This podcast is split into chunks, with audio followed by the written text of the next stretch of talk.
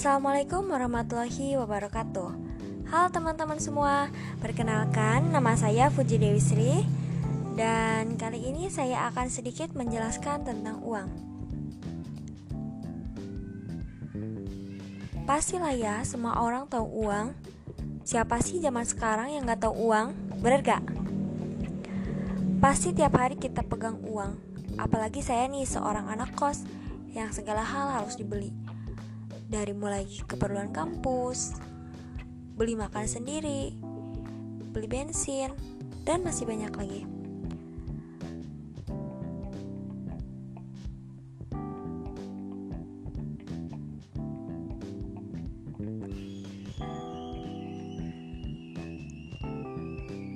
Apa sih uang itu? Mungkin kita berpikir bahwa uang itu sebuah kekayaan Padahal nggak juga. Misalnya nih, kita pegang uang banyak dengan nominal yang banyak. Kita menjadi kaya, tapi itu belum tentu. Nah, belum tentu juga jika kita pegang uang dengan nominal sedikit, kita dikatakan miskin. Contohnya, uh, misalnya nih, kita pegang uang 1 dolar sama uang 10 ribu rupiah. Nah, Kira-kira mana sih yang lebih besar nilainya? Antara 1 dolar sama 10 ribu rupiah. Nah, jika kita lihat secara kasat mata, pasti banyak 10 ribu kan? Tapi, ketika kita menyebutnya, besar mana 1 dolar sama 1 rupiah? Ya jelas 1 dolar lah yang lebih besar nilainya. Nah,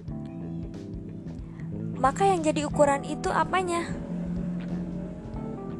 Yang jadi ukuran itu ya nilainya, bukan uangnya, bukan juga fisiknya. Maka di sini dijelaskan, uang itu adalah sebagai alat tukar. Benda yang diterima oleh kita sebagai masyarakat yang digunakan sebagai alat tukar dalam kegiatan ekonomi.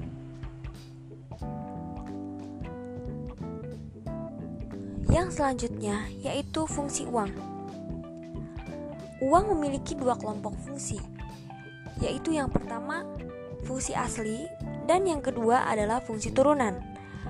Dari fungsi asli uang, yang pertama yaitu uang sebagai alat tukar.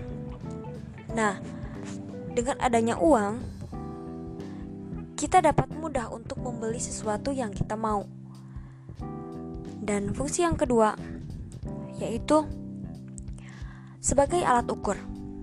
Maksudnya, apa sih uang itu sebagai alat ukur? Jadi, uh, uang itu mampu menentukan nilai suatu barang. Salah satu contoh misalnya, harga baju yang akan saya beli, harganya itu 150.000 misalnya. Nah, itu menunjukkan bahwa saya ini cukup membayar dengan uang 150 saja untuk mendapatkan e, baju tersebut. Fungsi uang yang kedua yaitu fungsi turunan.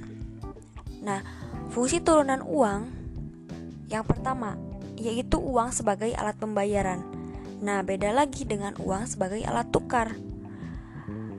Maksudnya, uang sebagai sebagai alat pembayaran. Nah, ketika uang dibayarkan tanpa ditukar dengan benda ataupun jasa. Uh, salah satu contohnya jika kita membayar pajak.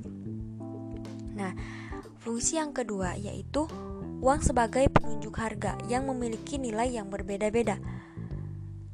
Contohnya, misal di suatu pasar harga 1 kg mangga itu 20 ribu Nah, sedangkan harga 1 kg jeruk 16 ribu Nah, itu menunjukkan uh, harga yang memiliki nilai yang berbeda-beda. Fungsi turunan uang yang ketiga yaitu uang sebagai alat pembayaran, pembayaran utang.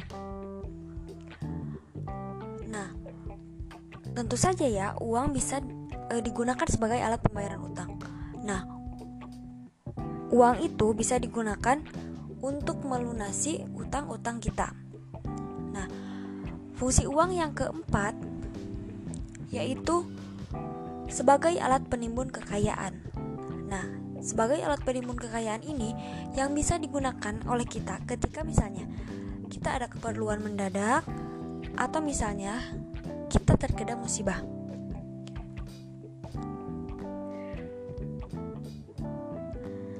Selanjutnya, jenis uang. Jenis uang berdasarkan pengelompokannya itu dibagi menjadi empat. Yang pertama yaitu jenis uang berdasarkan bahan pembuatannya. Uang di negara kita ada dua jenis yaitu uang logam dan uang kertas. Nah, jenis uang berdasarkan bahan pembuatannya. Yang pertama uang logam. Uang logam itu terbuat dari logam, e, emas atau perak dan e, nominalnya pun kecil seperti e, uang 100 perak, 200 perak, e, 500 perak dan 1000 rupiah. Nah, yang kedua yaitu uang kertas. Nah, uang kertas ini dibuat e, dengan tidak sembarang kertas gitu ya. Dibuatnya agar tidak mudah robek, tidak mudah luntur dan tahan terhadap air. Nah, uang kertas ini nominalnya besar. Contohnya 5000 uh, sekarang ada 2000 ya 10.000, 20.000, 50.000 uh, dan 100.000. Nah, yang kedua yaitu jenis uang berdasarkan nilai. Uh, uang bernilai penuh.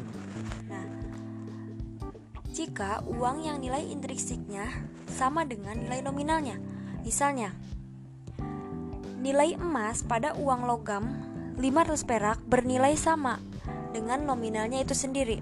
Nominal uang itu sendiri. Yang kedua, uang tidak bersifat penuh. Nah, yaitu jika nilai intrinsik lebih kecil dari nilai nominal.